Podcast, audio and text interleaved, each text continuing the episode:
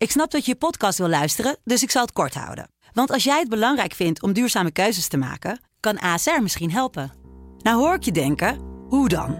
Nou, bijvoorbeeld bij het duurzaam herstellen van schade. Of de premies die we beleggen volgens ons duurzaam beleggingsbeleid. Dat bepaalt waar we wel en juist niet in investeren. Wil je meer weten over welke duurzame keuzes ASR maakt? Ga dan naar asr.nl/slash duurzame keuzes. ASR doet het. Zo, dan kan je nu lekker naar je podcast luisteren.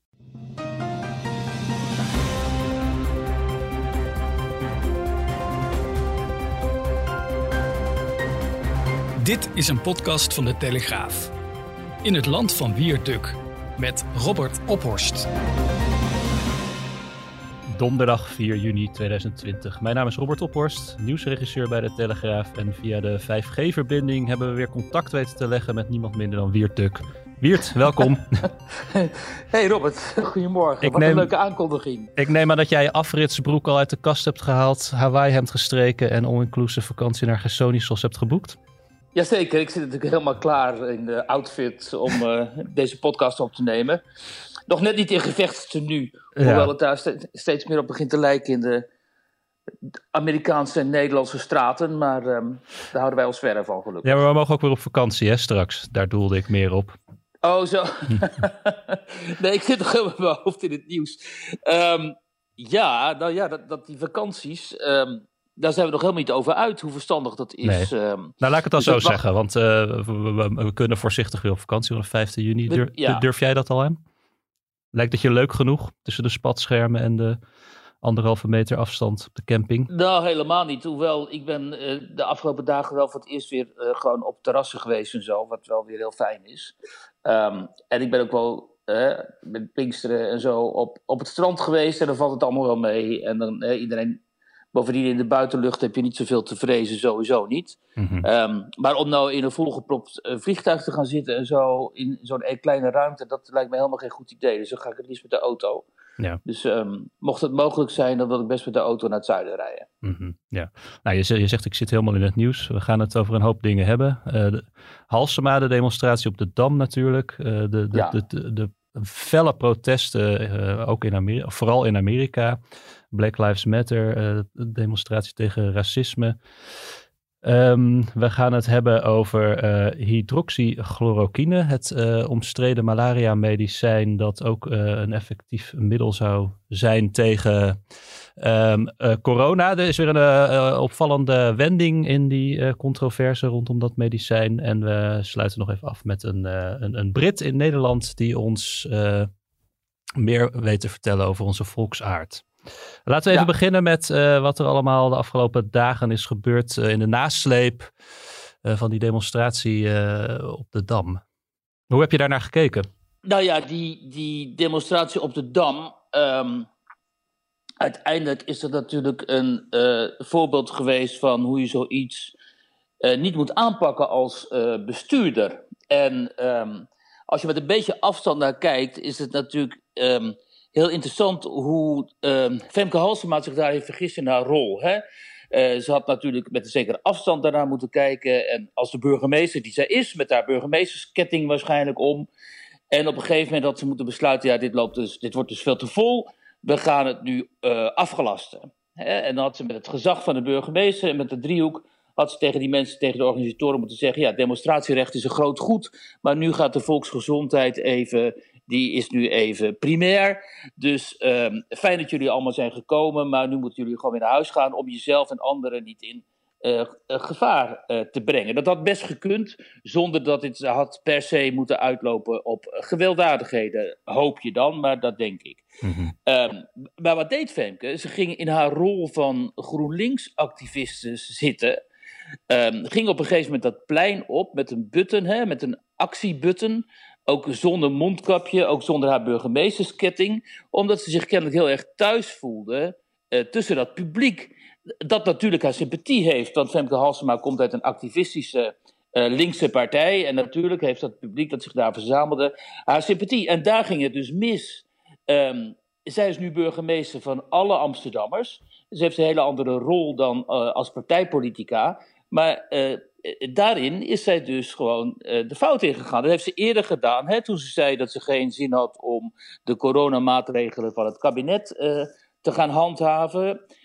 nog maar kort voordat de crisis echt uitbrak en zichtbaar werd, zei zij nog van nou, ik zou iedereen aanraden om in een leuk café in Amsterdam een biertje te gaan drinken. Dus ze maakt inschattingsfout op inschattingsfout vanuit dat kennelijk instinctieve rebelse karakter van haar om zich tegen gezag en autoriteit en hiërarchie en zo zich te verzetten. Wat op zichzelf best een interessante positie is als linkse activist. Verzet je je inderdaad tegen gezag en autoriteit en hiërarchie en je hoopt dat uit dat verzet iets beters um, komt. Maar Femke Halsema heeft ervoor gekozen om burgemeester te zijn. Dat is een hele andere statuur en een hele andere positie, waarin je hele andere keuzes moet maken. Daar ging het mis. En uh, het feit dat ze dat niet accepteert, hè, want bij op één, dat tv-programma, zat ze de schuld van zich af te schuiven en de verantwoordelijkheid van zich af te schuiven. Er was geen enkele verwachting dat het tot deze proporties zou uitgroeien. Nee, maar op een dus, gegeven moment ziet u natuurlijk dat het gebeurt. Tijdens de demonstratie zwol het, hè, na het begin van de demonstratie, zwol het tot enorme proporties aan. Ja. Daar was de politie op dat moment ook niet op geprepareerd. Daar komt namelijk bij dat de mensen die daar staan ook zelf verantwoordelijk zijn. Ja. Ook op andere manieren heeft ze geprobeerd om de verantwoordelijkheid van zich af te schuiven. Hij heeft onder andere een brief naar de gemeenteraad gestuurd en feitenrelaas. Precies, in die brief naar de gemeenteraad. Dat is een hele slechte reflex van haar, dat doet zij vaker. Ja, want in die brief uh, wees ze ook uh, naar anderen, de, de, de politie, uh, de, men, de demonstranten zelf. Precies, ze geeft ander, altijd anderen de schuld. Maar ik begrijp het ook wel, omdat als zij zou gaan zeggen... ja jongens, sorry, ik heb mij te veel hier als activist um, gemanifesteerd en ik had mij als bestuurder moeten manifesteren, ja, dan disqualificeert zij zichzelf natuurlijk. Mhm. Ehm, maar in, in ogen van haar critici disqualificeert zij zich nu tweemaal. Ten eerste vanwege het feit dat zij dus niet optrad als burgemeester, maar als linksactivist. En ten tweede omdat ze nu, nu de schuld gaat leggen bij politie en anderen. En dat moet je natuurlijk nooit doen. Je moet nooit, je moet die mensen uit de wind houden en je moet die mensen niet de schuld gaan geven. Een van de argumenten is, ja, we zagen het niet aankomen. We hadden 300 man maximaal verwacht. Nou, de avond daarvoor, voor de demonstratie, keek ik nog even op de Facebook-website van die organisatie. Toen stonden er al iets van 2.500 mensen of zo die hadden aangekondigd om daar naartoe te gaan. En als je enigszins de sociale media volgde en de andere eh, sentimenten in de samenleving kon inschatten, en het weer, het mooie weer dat er was, en het was gewoon een vrije dag. Mhm. Ja, hallo, dan wist je, dit gaat stormlopen. Dit is op dit moment, hè, die, die, die kwestie George Floyd is op dit moment het thema onder enigszins betrokken, vooral jongeren. En die, die betrokkenheid gaat veel, veel verder dan alleen die vaste kern van kick-out Zwarte Piet activisten. Ja, hoeveel mensen er uh, precies waren, dat, uh, dat is ook nog even mistig. We gaan nu zelfs getallen van tot 10.000. Tussen de 5 tot 10.000. Maar um, snap jij, uh, gezien wat er allemaal uh, gebeurt, of wat er gebeurd is in Amerika, en uh, snap jij dat mensen zich daar zo door gegrepen voelen dat ze de behoefte voelden om naar de Dam te komen en ook op andere plekken in Nederland inmiddels om daartegen te demonstreren?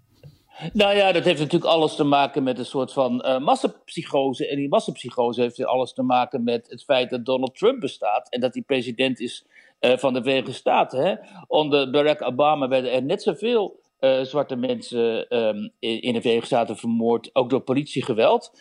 Um, uh, maar nu opeens, hè, ook door die verschrikkelijke beelden natuurlijk, hè, we zien daar gewoon op video iemand vermoord worden door mm. een, uh, door een politieman.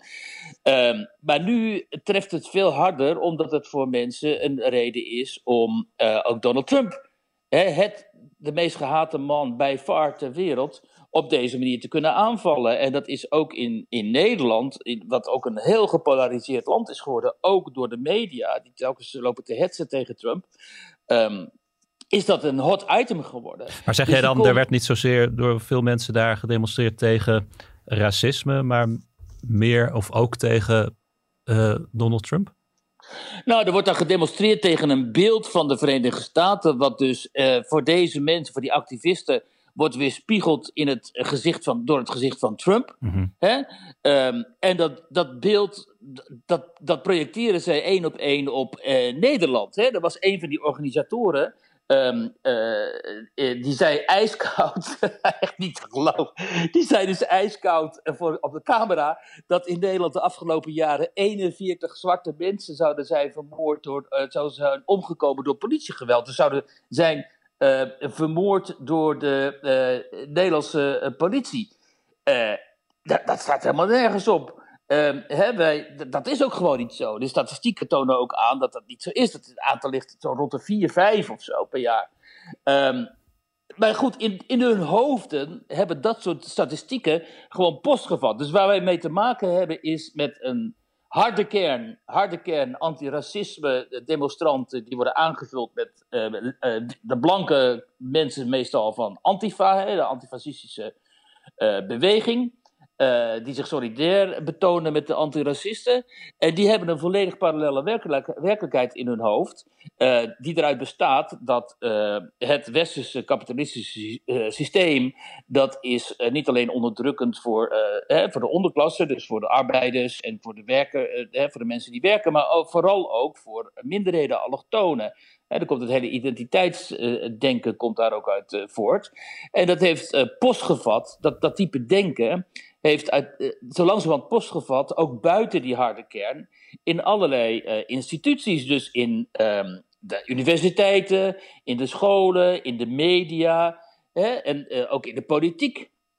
Vandaar dat Femke Halsema daar ook zo sympathiserend op dat plein rondloopt. Ze sympathiseert met die beweging, hoewel ze identiteitspolitiek afwijst, moet ik wel zeggen. Maar goed, dat gaat allemaal te ver om dat ook nog eens een keer te gaan uitleggen.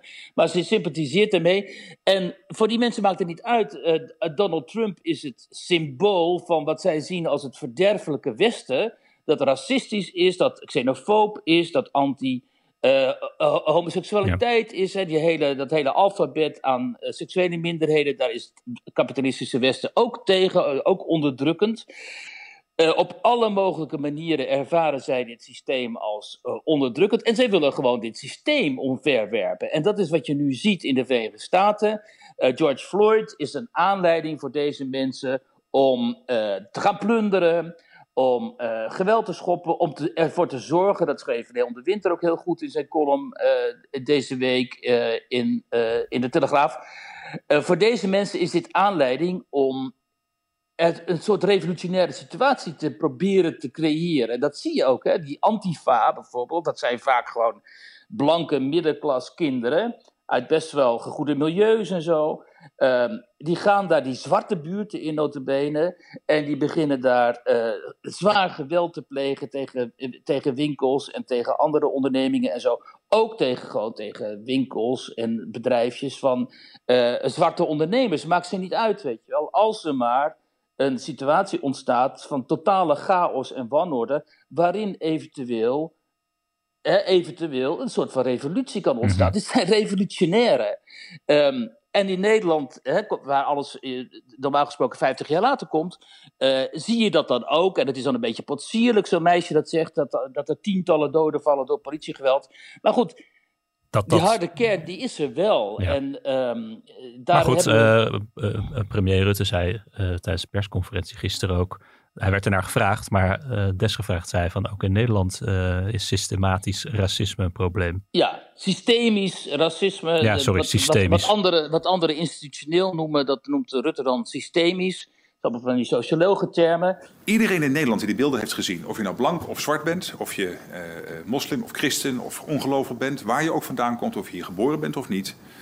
Uh, iedereen die die beelden heeft gezien van de dood van George Floyd, maar ook ziet welke systemische problemen er zijn in de Amerikaanse samenleving, herkent gelukkig niet de dood van George Floyd hier, maar wel de systemische problemen die ook in onze samenleving zitten. Dat is niet alleen een Amerikaans fenomeen. En daarin maakte hij ehm, raakt hij wel een kern en maakt hij tegelijkertijd een fout.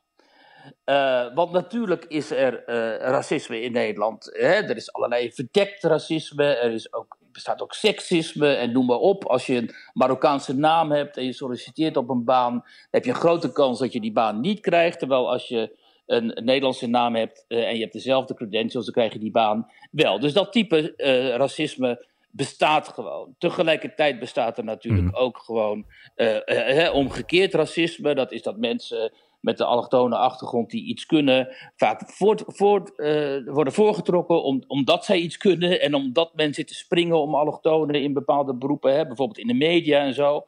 Als wij een ja, sommige, sommige media hebben er zelfs een bokaal voor. Precies, hadden er een bokaal voor. Bij de NOS daar een bokaal voor hebben. Nou ja, maar even in alle Maar wat uh, je zegt, uh, Rutte, als Rutte, Rutte. de redactie ja. iemand aandient hè, die uit de Turkse of Marokkaanse gemeenschap komt. en die, die niet links is, maar een beetje hè, meer naar het midden. en die iets kan. en die goede ingangen heeft. en die iets wil en kan en ambitieus is. Die wordt natuurlijk ook met open armen binnengehaald. Dat zijn de feiten. Um, en maar tegelijkertijd zijn ook de feiten dat aan de onderkant, waar jongeren zitten die niet goed zijn opgeleid vaak en, en die niet zo goed de mogelijkheden hebben om uh, op die arbeidsmarkt iets te kunnen, dat die natuurlijk uh, dreigen te ontsporen en vaak gediscrimineerd worden. Daarin heeft Rutte wel gelijk, alleen de fout die hij maakt, de fout die hij maakt. Ja, maar dat wil ik vragen. Is Wat is de fout? Dat hij nu doet in een crisis die gaat over, uh, over uh, die, die situatie in de Verenigde Staten, dat hij nu doet alsof in Nederland een soortgelijke situatie zou bestaan. Wat helemaal niet zo is, mhm. omdat Nederland een hele andere geschiedenis heeft en omdat vooral de zwarte gemeenschap in de, Amerikaan, in de, in de Verenigde Staten een hele eigen en hele andere geschiedenis heeft dan uh, de zwarte gemeenschap bij ons. Dus hij moet die analogie moet hij niet trekken. En bovendien riskeer je dan uiteindelijk in een hè, in zo'n kritische situatie als nu, dat je mensen gaat krijgen zoals een, een, een gerenommeerde gezondheidswetenschapper in New York. Hè, van wie ik de tweet zag, die schreef van als over een paar weken zal blijken, hè, naar aanleiding van die, van die demonstraties en die toestanden daar, schreef deze man notabene, als over een paar weken zal blijken dat er een tweede golf van het coronavirus uh, is ontstaan, dan don't blame de, de, de demonstranten, maar blame it on racism. Kijk, en daar ben je dus gewoon echt helemaal van het padje af. En wat uh, de minister-president moet doen, in dit geval, die moet de, de boel kalmeren. En die moet uh, zeggen, joh, dit is geen Amerika. We hebben onze eigen geschiedenis, we hebben onze eigen problemen met, met racisme. Maar ze zijn in geen enkel opzicht te vergelijken met die in de Verenigde Staten. Doe die poging, probeer het ook niet om die vergelijking te trekken. En we moeten met onze eigen problemen dealen. En dat deed hij niet. En dat vond ik aan zijn toespraak gisteren, meen ik dat het was, uh, niet goed. Ja, uh, in Amerika doet uh, Donald Trump ook niet heel veel moeite om het land nee, te verenigen en de boel te sussen. Ja. Hij zegt, ik, hij dreigt met het leger erop af te sturen. Ja, dit is zo ongeveer wel de allerslechtste optreden van Trump tot nog toe. Hè. Hierin zie je ook zijn totale gebrek of nou ja, als, aan, aan, aan, laten we zeggen, empathisch uh, vermogen. Hij is vooral met zichzelf bezig. Hij zat op een gegeven moment ook in die bunker daar in het Witte Huis. Alsof hij uh, onder, uh, onder, onder attack was. En toen hij eruit kwam, toen zei hij zoiets van: Nou, met mij gaat het goed. Terwijl het land in brand staat. Dus dit is nou typische voorbeeld waarin Trump volledig faalt in zijn leiderschap. Maar de verslaggeving daarover is ook weer zo ontstellend slecht. En dat komt omdat de Amerikaanse media, uh, en dat hebben we hier al langer en vaker besproken, onderdeel zijn geworden van het probleem. En zij zeggen nu dat Trump uh, de, het leger wil inzetten en de ordentroepen wil inzetten om die, en dat hij zich moeten gaan richten tegen die demonstranten. En wat natuurlijk niet zo is, ze moeten zich richten tegen die plunderaars die op massieve schaal in Amerikaanse steden aan het plunderen zijn. Er heerst nu in allerlei Amerikaanse steden een volledige situatie van wetteloosheid, zoals we hebben gezien.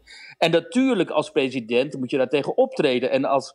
Uh, kijk, hij heeft de bevoegdheden daar niet voor. Hè? Dat zijn de gouverneurs en de burgemeesters en zo. Maar dan moeten die dat doen. Dan moeten die dus het gezag hebben. En de autoriteit om te zeggen: ja, maar dit gaan we niet tolereren. Demonstreren, oké. maar uh, we gaan staan dit soort plunderingen en zo niet toe. Dus we gaan hier iets uh, tegen ondernemen. Maar nu wordt gedaan alsof Trump het leger wil inzetten tegen vreedzame demonstranten die antiracistisch zijn, die zich zorgen maken over de moorden zoals op die van uh, George Floyd, zoals de moord uh, van uh, George Floyd. En dat is natuurlijk helemaal niet zo, maar het past weer helemaal in het frame van kijk, die waanzinnige Trump is een soort van burgeroorlog creëren in zijn eigen land. Um, maar ja, dat land is zo gepolariseerd, hè, zoals ook bleek uit die, die tweet die ik je net citeerde Ehm, het lijkt wel alsof die, alsof die mensen collectief eh, voor een groot deel waanzinnig zijn geworden. Ehm, ik zie daar op dit moment ook helemaal geen, geen uh, mogelijkheid om dat tot kalmeren te brengen. En ehm, het is veel vreemd om dat te zeggen, maar dat de Verenigde Staten lijken nu bijna in de situatie, situatie te komen als destijds in de jaren 60. Hè, toen met die rellen rond de burgerrechtenbeweging en later rond eh, Vietnam. En toen stond het land aan de, op het randje, hè, op het randje van een burgeroorlog destijds. Het is heel erg kritisch. En het ziet er op dit moment mhm. niet veel beter uit. Dus het is wel een hele zorgelijke uh, situatie. En we moeten er alles aan doen om zo'n situatie niet te importeren naar Nederland. En ik verwijt het die mensen van Kick-Out Zwarte Piet en zo heel erg. Hè, dat zij net doen alsof Nederland te vergelijken is wat, wat betreft dat extreme racisme en wat betreft ook de kans, kans de, het gebrek aan kansen voor minderheden als de Verenigde Staten. Dat is helemaal niet zo, maar dat doen ze wel en daardoor polariseren zij enorm en roepen zij ook steeds meer weerstand op. En het zou verstandig zijn, of het zou fijn zijn, als deze mensen eens een keer wat verstandiger en verantwoordelijker zouden worden. Maar dat, gezien wat ik de afgelopen dagen voorbij heb zien komen aan uitspraken, uh, is dat ook een illusie, vrees ik. Even een heel ander onderwerp, maar wel uh, ook met Trump te maken. Want uh, begin april, meen ik, was het Trump die lovend sprak over hydro Hydroxychloroquine, uh, dat is zeggen. echt een hele... Ja, ja, ja. hydroxychloroquine, een tongbreker, maar ook een uh, effectief middel uh, zou het zijn tegen corona. Nou, als Trump zoiets aanprijst, is natuurlijk in de ogen van heel veel mensen meteen al verdacht. Um, maar er gebeurde iets opvallends, hè? want er was een studie ja. in The Lancet, een gerenommeerd medisch wetenschappelijk tijdschrift. Als, als daar gepubliceerd wordt, dat, nou, dat, dat betekent wel echt iets daaruit zou eigenlijk blijken dat dat middel uh, uh, juist zeer gevaarlijk was. Dat er meer mensen, uh, mensen die dat kregen, dat die vaker een grotere kans hadden om te overlijden. Ja. Er was een, een, gigantische hoeveelheid data ook voor aangeleverd. Dus dat leek allemaal heel indrukwekkend. Proeven die er al liepen met het medicijn werden ook terstond afgebroken, begrijp ik. Maar uh, inmiddels uh, is er iets opvallends gebeurd. ja, dat, um, dat is dus in precies zoals jij zegt. De Lancet en nog een gerenommeerd medisch um, uh, tijdschrift, wetenschappelijk tijdschrift moet ik zeggen, um, publiceren dus die, die studies, groot opgezette studies, waaruit zou blijken dat het hydroxychloroquine, wat inderdaad een enorme tongbreker is, heb, ik heb er ook dagen over gedaan om dat te kunnen uitspreken, dat dat dus niet alleen niet zou werken bij COVID-19, maar dat bovendien vanwege zijn bijwerkingen, zoals hartritmestoornissen, extreme hartritmestoornissen, dat het bovendien juist het aantal doden zou uh, verhogen. Uh, toen dat bekend werd, uh, op basis van de reputatie van die tijdschriften, vooral de Lensen, dat zijn dus gewoon dat, dat zijn iconen in die wetenschappelijke wereld, werden allerlei onderzoeken naar de werking van hydroxychloroquine afgezegd. Want te gevaarlijk. En dat niet alleen. alle media, um, pakte daar flink mee uit. Um, dat komt om mhm. het volgende: dat hydroxychloroquine blijkt volgens een aantal artsen wel degelijk succesvol in de eerste lijn bij uh, milde klachten van COVID-19 in combinatie met een antibioticum en zink. En Donald Trump, die wist dit en die had dit dus aanbevolen. En vanaf dat moment lag dat hydroxychloroquine, wat eigenlijk een antimalaria-middel is, direct onder vuur. And a lot of good things have come out about the hydroxy. A lot of good things have come out. And you'd be surprised at how many people are taking it, especially the frontline workers, before you catch it. The frontline workers, many, many are taking it. I happen to be taking it. I happen to be taking it. Want als immers, en dat heeft weer te maken met die waanzinnige polarisering, als Trump iets zegt, dan is dat voor de uh, goede gemeente die anti-Trump is, is dat reden om het tegendeel te beweren. Dus als Trump zegt dat die doxychloroquine kon wel eens functioneren bij COVID, dan zegt men nee, onzin, kan niet. Ja.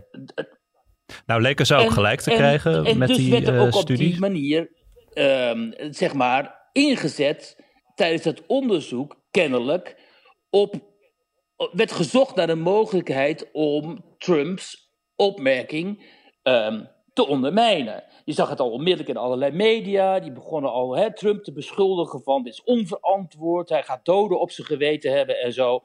Nou, en toen dit onderzoek dus uh, kwam en de Lancet daarover publiceerde. Ja, op basis van de status en de reputatie van de Lancet waren al die kritische media die zo verschrikkelijk balen van Donald Trump, ja, die waren natuurlijk vreselijk blij, want hiermee hadden ze een, een, stok om, om echt dodelijk uit te halen. Wat ze ook deden. Niet alleen deden ze dat, wat heel interessant is, bijvoorbeeld NSC schreef daar uitgebreid verhaal over, hè, NSC Handelsblad schreef een uitgebreid verhaal over en een van hun journalisten die uh, begon tegen, op Twitter tegen mij van, nou, wie Duk, um, uh, iets in de trant van, nou, wie Duk, um, uh, discussie voorbij, omdat ik in een paar artikelen mm -hmm. over dat hydroxychloroquine had geschreven. En had geschreven dat er in Nederland een arts is, hè, die Rob Elens in, het, in Limburg, die het succesvol had ingezet. Um, in combinatie met die andere middelen. Net als een uh, Franse arts in Marseille dat heeft gedaan, Didier Raoult. En ook nog andere artsen in de wereld. In, en bovendien, in een heel groot aantal landen wordt hydroxychloroquine in de eerste lijn gewoon tegen COVID voorgeschreven. Maar goed, bij de NSC zijn ze ook anti-Trump kennelijk. En die collega die vond het uh, wel leuk om mij daarop te wijzen. Maar nu blijkt dus dat hele bouwwerk, wat is opgebouwd, uh, frauduleus zijn. En dat is eigenlijk wel onthutsend. Ja, want dat, um, dat moeten we misschien even uitleggen. Die, eh, Precies, die, die, die studie, die gepubliceerd is, daar zijn inmiddels zeer grote ja, vraagtekens Ik lees dus bijna als een soort Hollywood script, een soort beetje een James Bond-achtige film. Er is een of ander obscuur bedrijf, Surgery Sphere heet dat, dat is in Chicago. En die zouden dus toegang hebben gehad tot een enorme database van duizenden patiënten in de directeur van dat bedrijf was een van de ja, auteurs precies. ook. Ja, heel goed. Ja, dat is studie. een van de auteurs van, die, van dat stuk. Um, uh, meneer met een Indiase naam. En um, die zouden dus duizenden uh, patiënten hebben kunnen onderzocht. De data van die patiënten. Uh, daar toegang toe hebben gehad. En daaruit zouden ze dus zijn gebleken dat het middel, dat het middel gevaarlijk is.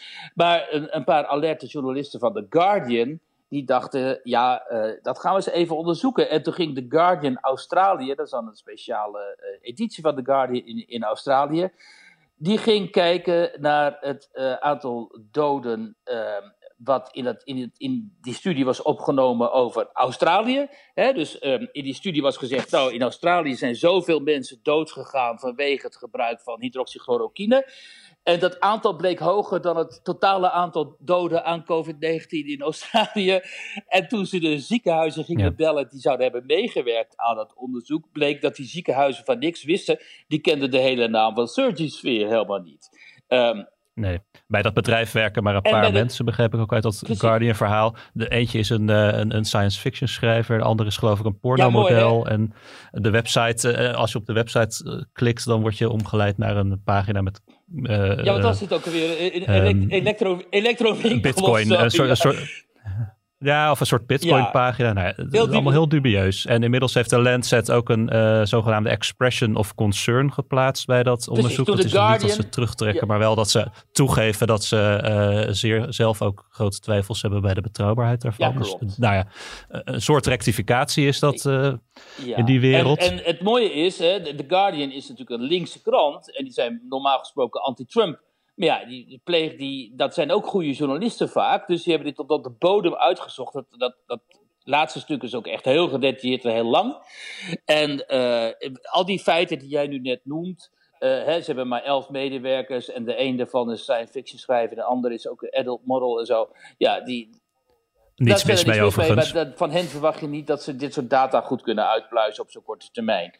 Um, dus met andere woorden, rond het hele onderzoek hangt nu een waas van fraude. En uh, het is heel goed dat dit uitgekomen is. En het is nog steeds niet gezegd dat dat hydroxychloroquine nou zou uh, functioneren. Want er zijn heel veel artsen die zeggen, nou in ieder geval uh, in het latere stadium van COVID-19 roept het alleen maar grotere complicaties op. Dus daar functioneert het helemaal niet. Maar het zou kunnen functioneren in de eerste lijn, dus bij, bij milde klachten. Maar goed, daar wordt nu onderzoek naar gedaan. En die data van Surgisware die worden natuurlijk ook opnieuw onderzocht. Dus het mooie hieraan is dat uiteindelijk wel toch een objectief, uh, objectieve conclusie zal kunnen worden getrokken. Maar het is natuurlijk echt fantastisch en heel goed dat de goede journalistiek ervoor heeft gezorgd dat dit uh, is uitgeplozen en dat is gebleken dat uh, de anti-Trump stemming zelfs in de wetenschappelijke wereld zozeer de overhand kan krijgen dat daar kennelijk fraude wordt gepleegd. En dat is toch wel iets wat ons allen, vooral wij als media, wij ons enorm moeten aantrekken en waar wij ons grote zorgen over moeten maken. We gaan even naar jou in Nederland van deze week. Jij uh, ging op bezoek bij Ben Coates. Dat is een Britse schrijver die in Nederland woont. Waarom? Nou, Ben Coates, die, die, ken ik vanwege zijn boek over Nederland, wat ik uh, eigenlijk uh, alleraardigst vond. Um, hij is een Brit die van, vanwege de liefde in Nederland is neergezeken een aantal jaren geleden. En zo zeg gefascineerd raakte door al die merkwaardige gewoontes die wij er hier op nahouden en onze manier van doen, dat hij besloot om voor de buitenwereld daar een boekje over te schrijven. En tijdens de coronacrisis was hij druk aan het twitteren over het Nederlandse coronabeleid, waar hij op, af en toe ook geen touw aan vast kon knopen. Uh, omdat de Nederlandse regering natuurlijk weer enorm aan het polderen was geslagen. Wat voor mensen uit het buitenland vaak een, een soort onwaarschijnlijke manier is van omgaan met de werkelijkheid en wat het voor ons volslagen normaal is. Dus ik dacht, dat is wel eens interessant nu die coronacrisis een beetje achter de rug lijkt te zijn, althans de eerste golf. Eh, want mogelijk komt er nog een tweede golf, om, om eens met hem te praten over hoe hij nu die afgelopen maanden eh, heeft ervaren. Ja, en dan heeft hij natuurlijk toch wel allerlei hele interessante eh, observaties. Bijvoorbeeld, en het interessantste eigenlijk wat hij zei, vind ik, is dat hij zei Kijk, Nederland doet het eigenlijk helemaal niet zo goed uh, in internationaal perspectief. Hè. Wij behoren tot de landen met het hoogste aantal coronadoden. Uh, voor een goed begrip, Nederland heeft meer doden op een miljoen inwoners dan de Verenigde Staten. Hè, terwijl Trump wordt verweten dat hij zo slecht mhm. beleid voert. Maar ons aantal doden per miljoen inwoners of per 100.000 inwoners uh, ligt hoger. Um, en wat zij coach doen, van, uh, maar er ontstaat geen toch ontstaat over zo'n feit, dus over falend beleid eigenlijk, in Nederland geen sociale onrust. En hoe komt dat nou, denkt hij? Dat komt doordat de regering met die uh, intelligente lockdown weer een soort Nederlandse weg heeft gekozen. Zo van, kijk, wij doen het toch anders dan andere landen. We gaan niet iedereen opsluiten. En we gaan niet iedereen zeggen, blijf binnen, maar mag maar één keer per dag op je eentje een half uurtje naar de supermarkt en dan moet je weer terug. Nee, we doen het anders. Uh, we isoleren wel, maar we laten mensen toch ook wel vrij. We geven ze hè, eigen verantwoordelijkheid. De regels mogen een beetje gebogen worden. Het is allemaal niet zo strikt. En iedereen moet een beetje op elkaar en op zichzelf passen. Uh, dat heeft uiteindelijk tot gevolg gehad dat Nederland het uh, niet zo goed heeft gedaan. Uh, dat komt vooral ook trouwens doordat, die pleeginrichtingen hè, zo slecht uh, waren beschermd. Maar het heeft Nederlanders kennelijk wel de indruk gegeven dat wij weer uniek zijn in de wereld. En Ben Coates die denkt dat daardoor Nederlanders heel tevreden zijn eigenlijk in, in meerderheid met het regeringsbeleid omdat um, ons weer de indruk wordt gegeven dat we eigenlijk heel erg eigenzinnig zijn en creatief en uh, ook zelfs in de coronacrisis een eigen oplossing hebben weten te vinden. Um, en hij zegt: Nederlanders zijn graag trots op die vermeende eigenzinnigheid. En de regering heeft met dit beleid precies aan die verwachting uh, voldaan. Nou, zo had ik het nog niet bekeken. En dat vond ik eigenlijk wel een hele interessante observatie uh, van hem. En zo heeft hij natuurlijk wel meer observaties. Want hij ziet bijvoorbeeld ook ons. Maar dat, dat is een heel ander, heel ander onderwerp is dat dan. Maar bijvoorbeeld hij ziet onze omgang met de natuur heel anders. Hè, waar in Engeland en elders mensen de natuur het liefst gewoon haar gang laten gaan.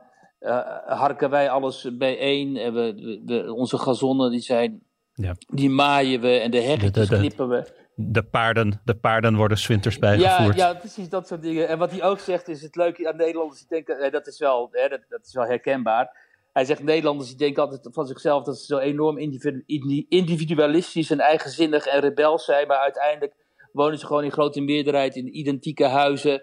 Uh, in een Phoenixwijk met een bijna identieke IKEA-inrichting. Uh, wat natuurlijk ook zo is. Ik bedoel, ik woon zelf zo. En, uh, en dat is natuurlijk ook wel heel, heel grappig als iemand zoiets, of een buitenlander zoiets tegen je zegt, omdat het zo eigenlijk keiharde waarheid is. En omdat het zo in tegenspraak is met het beeld dat Nederlanders graag van zichzelf hebben. Wat hij ook zegt is, omdat Nederlanders graag het beeld van tolerantie en, en um, en vriendschap, nee, hoe zeg je, tolerantie en um, nou ja, van zichzelf bewaard zien, willen vast, daaraan willen vasthouden, redelijkheid en tolerantie daaraan willen vasthouden, verdwijnen, uh, worden periodes zoals uh, die van de uh, politionele acties in Indonesië, maar ook ons slavernijverleden en eigenlijk ook wel de manier waarop we op zijn, om zijn gegaan met de Joodse minderheid in de Tweede Wereldoorlog, die worden heel snel onder het tapijt geveegd zegt hij. Omdat te mhm. zie je dat beeld wat de Nederlanders van zichzelf hebben ondermijnen. En dat, dat, daar ben ik het ook wel mee eens. Eigenlijk kunnen erg moeilijk omgaan, vind ik, met dat soort eh, keiharde feiten over toch wel uh, hè, negatief en niet zo fijn gedrag. Uh, toch ook in onze volksaard ja. zitten. En zeker in onze geschiedenis. Hè, de excessen in onze geschiedenis die hebben plaatsgevonden. Een herkenbaar verhaal. Ja. Nou, we zijn weer door de tijd heen zo'n beetje. Ik uh, dank je hartelijk. Dus heb je nog tips waar we komende dagen op moeten gaan letten? Dingen die spelen? Nou, ik vraag me toch af hoe Femke Halsema, om toch maar bij de actualiteit te blijven... Uh, Volgende week spoeddebat. Ja, spoeddebat. hoe dat zal gaan verlopen. Omdat ja, die kritiek die is zo fel van, van links tot rechts. Uh, en er wordt zo aan crisismanagement uh, gedaan op dit moment. Ik ben heel benieuwd hoe zij daaruit naar voren zal komen. Dus dat is wel iets wat we in de gaten gaan houden natuurlijk. Oké, okay, we gaan dat volgen. Wiert, ik dank je hartelijk. Ik dank ook alle luisteraars en graag tot volgende week. week. Interesse in meer podcasts? Luister dan naar Afhameren met Wouter de Winter. Een wekelijkse podcast met het laatste nieuws uit Den Haag scherpe analyses, opmerkelijke fragmenten en een blik achter de schermen.